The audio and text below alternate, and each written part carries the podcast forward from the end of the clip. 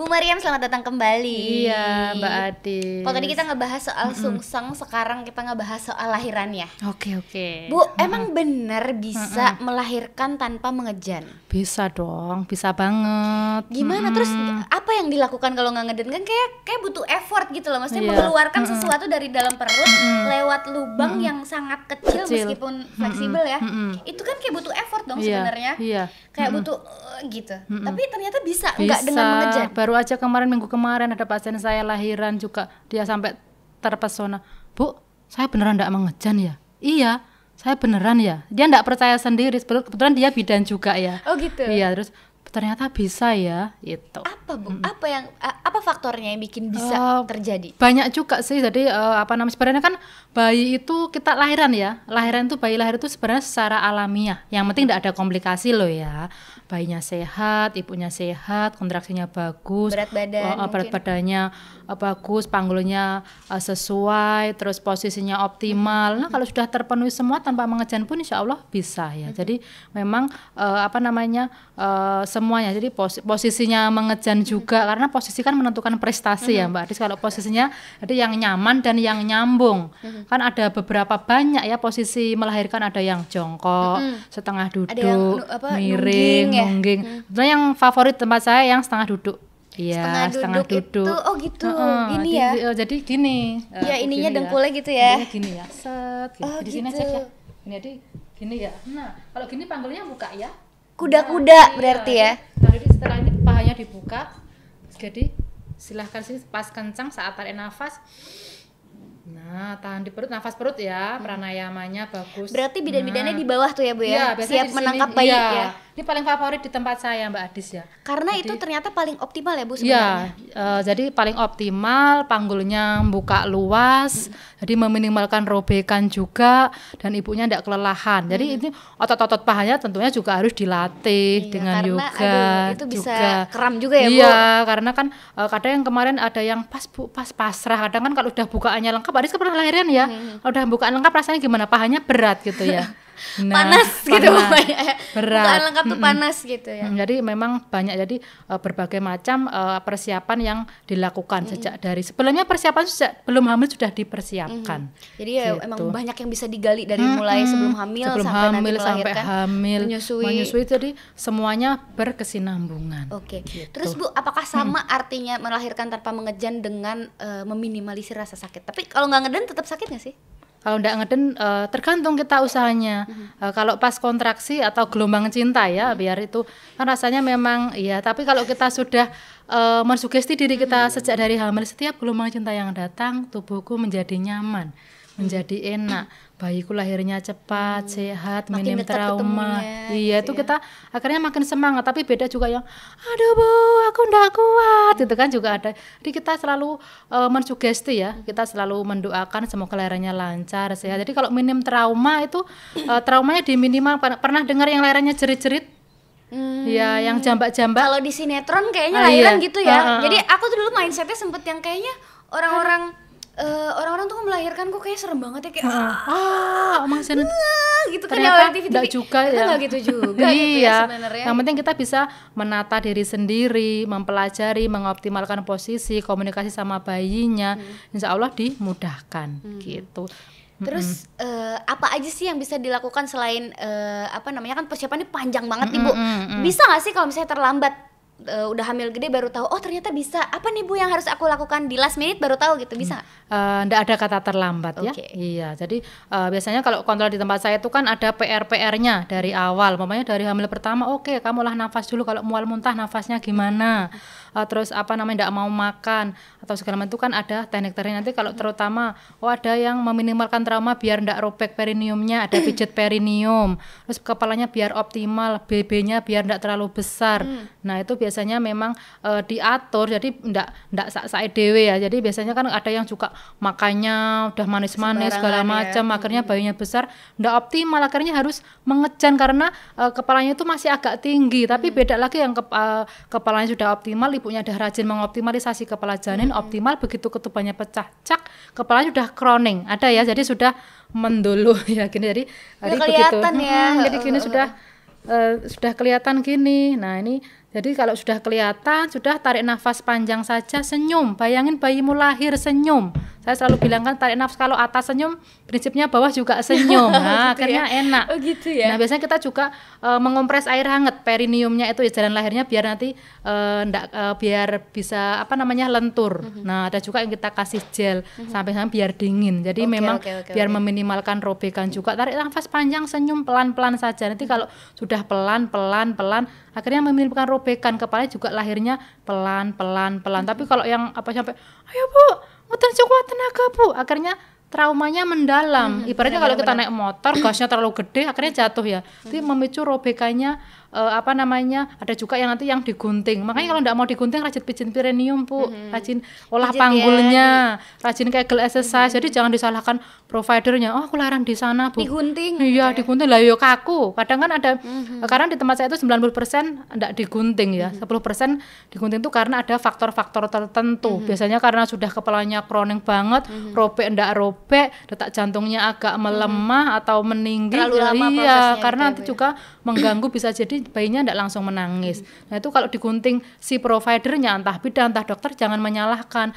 Balikan kepada diri sendiri, sudahkah selama ini belajar? Mhm. Sudahkah rajin pijat perineum segala macam? Kalau belum ya nanti kehamilan selanjutnya biasanya belajar. Bu, Gitu. tapi kan eh, berarti prosesnya lebih lama dong. Enggak juga sih. Jadi Kalau kalau ngeden kan kayak biar cepet ya. Coba Enggak. sekarang dibandinginnya di posisi yang sama misalnya dia bisa ngeden sama dia bisa nafas doang. Kalau nafas doang kan pasti lama. Mm-mm. Kalau ngeden kan kayak, kayak bisa langsung keluar. Nah, syaratnya itu kita optimalisasi kepala janinnya. Kalau masuk panggulnya kan ada derajat-derajatnya, ada, ada masuk di hok 1, hok 2, hok 3.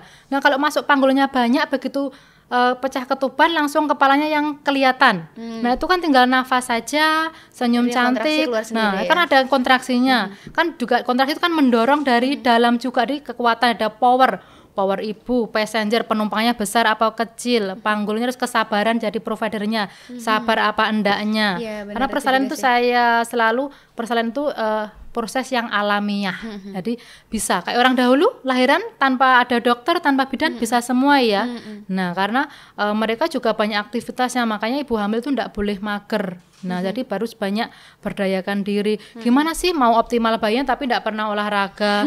nah, gimana mau optimal? Kadang kan ada yang tidak mau masuk panggul ternyata panggulnya sempit. Nah, karena mungkin tidak pernah diolah si dibuka panggulnya ya. ini. Mm-mm, ini panggul sebenarnya juga lentur nih kayak panggulnya. Jadi kalau kita olah akhirnya kita buka panggulnya biar bayinya bisa masuk gitu. Gitu. Jadi eh, bisa jadi lebih lama tapi ju- belum tentu lama Belum juga tentu berarti juga ya, ya? tergantung berbagai macam. Jadi powernya penumpangnya si Jadi adiknya jalan kondisinya lenjernya semuanya eh, ya. semuanya kan ada beberapa faktor yang mempengaruhi proses persalinannya. Terus kontraksinya maksimal ndak kayak gitu. Terus biasanya support sistemnya juga lingkungannya kesabaran dari providernya juga mempengaruhi gitu. Terus melahirkan tanpa mengejan ini berarti salah satu bentuk hypnobirthing ya, Bu? Eh, salah satunya eh, dipelajari. Jadi eh, pas proses kehamilan itu kan kalau hypnobirthing itu kan teknik relaksasi. Biar makin rileks. Biasanya dari dari hamil setelah selesai yoga kalau di tempat saya itu saya ajarkan hypnobirthing. Sebenarnya penjenengan juga bisa kok hypnobirthing menghipno diri sendiri jadi merilekskan diri sendiri. Karena saya selalu bilang apa yang anda pikirkan itu yang terjadi? Kalau jenengan mikirnya positif selalu eh, berbaik sangka. Insya Allah hasilnya juga positif. Tapi kalau kadang ada lahiran aku iso normal ndak ya bu? Aku bisa ndak? Kan udah ragu Ragu-ragu, sendiri. Iya, jadi benar-benar, harus benar-benar. dari sendiri juga powernya jadi dari diri sendiri dulu gitu. Jadi, Jadi ini salah satu praktek hypnobirthing ya, Bu? iya mm, jadi praktek selama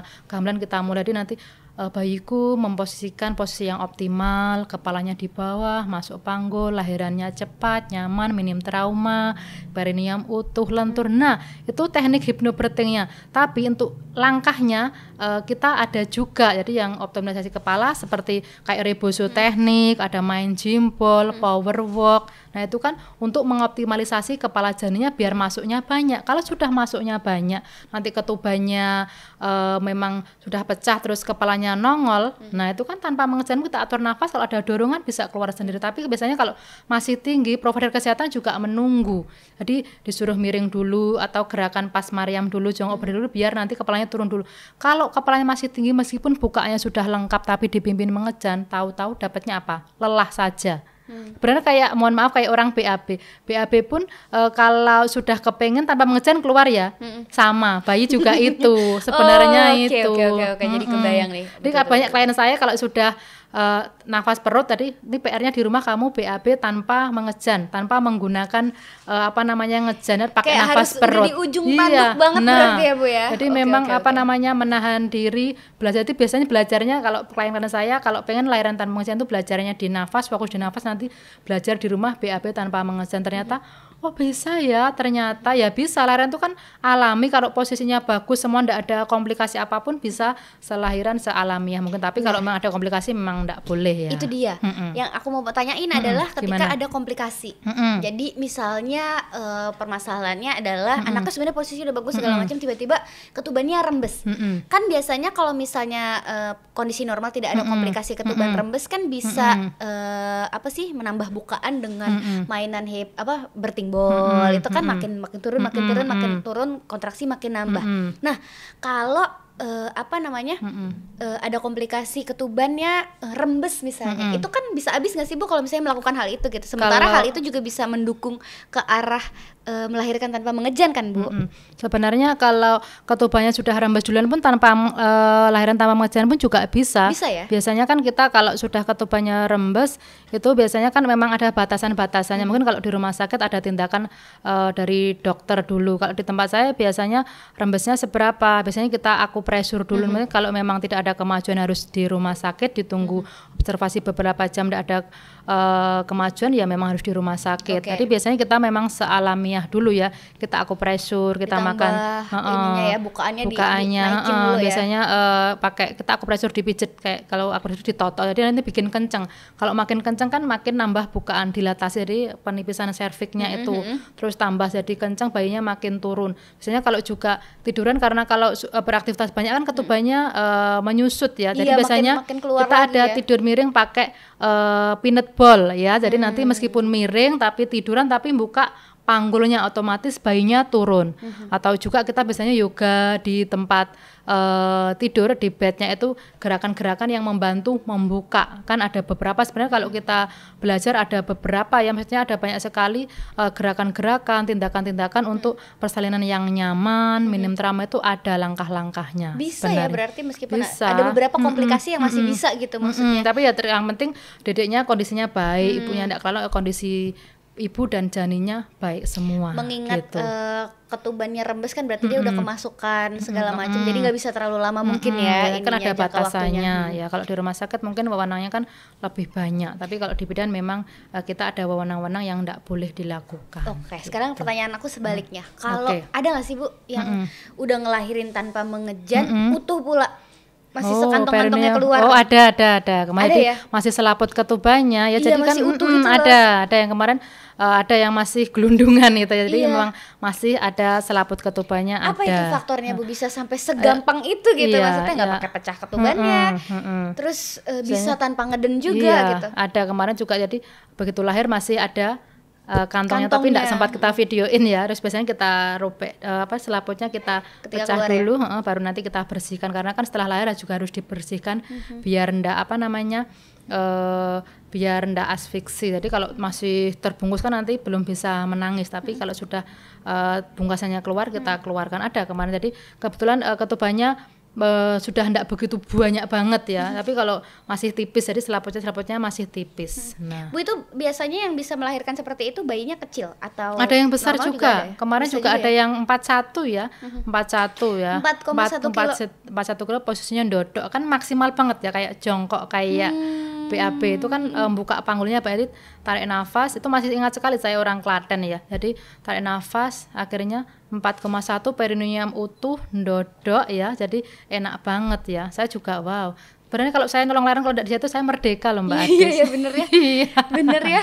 Seneng Iya, juga ya Bu iya, ya. terus ndak gobios kalau dia itu masih ha kayak eh, dua hari kemarin saya 36 sama tiga setengah alhamdulillah ndak dijahit itu saya begitu lahiran kan selesai langsung ngajar yoga jadi Hmm. ah enak banget kalau lahiran ndak jatuh saya pokoknya enak banget ibunya juga habis itu sudah bisa main Iya, bola nanti ya kan sakit ya pakai dijahit-jahit ya. Karena kan iya. dijahit kadang-kadang ada yang tipis iya, juga makanya harus aku. belajar dulu pernah pijat perineum enggak Hmm, pernah sekali tapi doang. belum ya belum makanya memang untuk menuju itu semua Iya. jangan lupa belajar Harus gitu. komplit, nggak bisa setengah-setengah ya, Bu, ya. Iya, bener-bener, pengennya lahirannya enak tanpa mengejan tanpa robekan disuruh belajar Nah, suaminya kan pijat perineum itu suaminya mbak Ade tapi ah enggak ah bu malu. Risih, kadang kadang-kadang iya, malu, iya nah, bener. hilangkan itu semua. Nanti yang kedua ya mbak Adis ya. Oke, Iya. oke sama Bu Mariam ya, asik. Pokoknya aku cita-cita pokoknya melahirkan di eh, Bu Mariam aja. oke. Ini pertama udah pernah nyobain di dokter, Bu. Mm-mm, Kalau Mm-mm. eh, anak kedua, Bu, Mm-mm, misalnya anak pertamanya udah pernah sobek nih, Mm-mm. eh, anak kedua pengen melahirkan tanpa mengejan bisa juga. bisa insya Allah bisa. Yang penting mau belajar. Nah. Kalau pernah sesar, Kalau pernah sesar ya untuk VPAC ya, vagina birth after sesar itu bisa juga. Yang penting jaraknya. Dan jangan lupa nanti konsultasi ke dokter kandungan. Kan ada beberapa syarat untuk VPAC. Nah, yang lebih berkompeten kan dokter kandungan. Kalau di tempat saya saya bimbingannya untuk menuju goalnya itu biar bayinya kecil. Biasanya saya makanannya saya atur, gerakannya kita atur. Terus ah, Jadi apa- konsultasinya sama Bu Mariam. eh, biasanya nanti kita juga kolaborasi ya. Karena kan yang berhak melakukan VPAC adalah dokter. Biasanya nanti alhamdulillah sudah banyak yang sukses. Jadi nanti ikut bimbingan di kelas saya. Kan ada program-programnya. Nanti konsul dokternya eh, silakan konsultasi dokter. Karena kan ada ketebalan rahim ada eh, ketubannya ndak, eh, ada macam-macam syaratnya. Ndak boleh kencangnya ndak boleh mandek. Nanti biasanya lahirannya di rumah sakit sama dokter. Jadi nanti bimbingannya di tempat saya nanti bisa lahiran sama dokter yang yang mendukung ya. Karena kan ada semua dokter mau. Karena itu kan resikonya tinggi juga. Tapi eh, saya yakin kok dokter punya pertimbangan tertentu untuk melakukan VPAC asal si ibunya Iya. pokoknya yang memberdayakan penting diri, yakin dulu ya, yang penting kalau saya mau VPAC jarak jaraknya masih terlalu dekat. Kemarin juga ada juga yang 18 bulan ya mbak. 18 Ada- bulan? sudah ngelahirin. Hmm. nah jadi lahiran tapi bulan di rumah sakit. Nah itu 18 bulan masih pendek. Tapi karena ibunya sudah semangat sudah Hmm. yakin syaratnya terpenuhi alhamdulillah dibantu pak dokter juga bisa lahir Normal normal, ya? Oh iya. God, yang penting syaratnya terpenuhi. Karena kan ada jarak minimalnya terus tidak ada komplikasi. Kayak kemarin ada juga yang jaraknya sudah tujuh tahun. Kok saya gagal Bu Mariam? Karena jahitannya yang dulu tidak sempurna. Sudah eh, rajin di bimbingan saya kan ngeluh jahitannya sakit. Coba konsultasi ke dokter veto maternal. Saya bilang saya rujuk. Ternyata memang jahitan di dalam itu hampir kelet sama usus itu katanya ada gitu. itu eh, kakak saya gitu tuh persis. Hmm, hampir hampir kelar tadi memang tidak disarankan buat VPAC karena dokternya ya udah kamu harus sesar lagi. Tapi eh, dengan orang-orang yang sesar kedua karena dia sudah memberdayakan diri itu rata-rata klien saya lebih tenang. Jadi penyembuhan recovery-nya lebih enak. Jadi lebih siap lahir batin daripada yang dulu belum dipersiapkan gitu. Oke oke oke.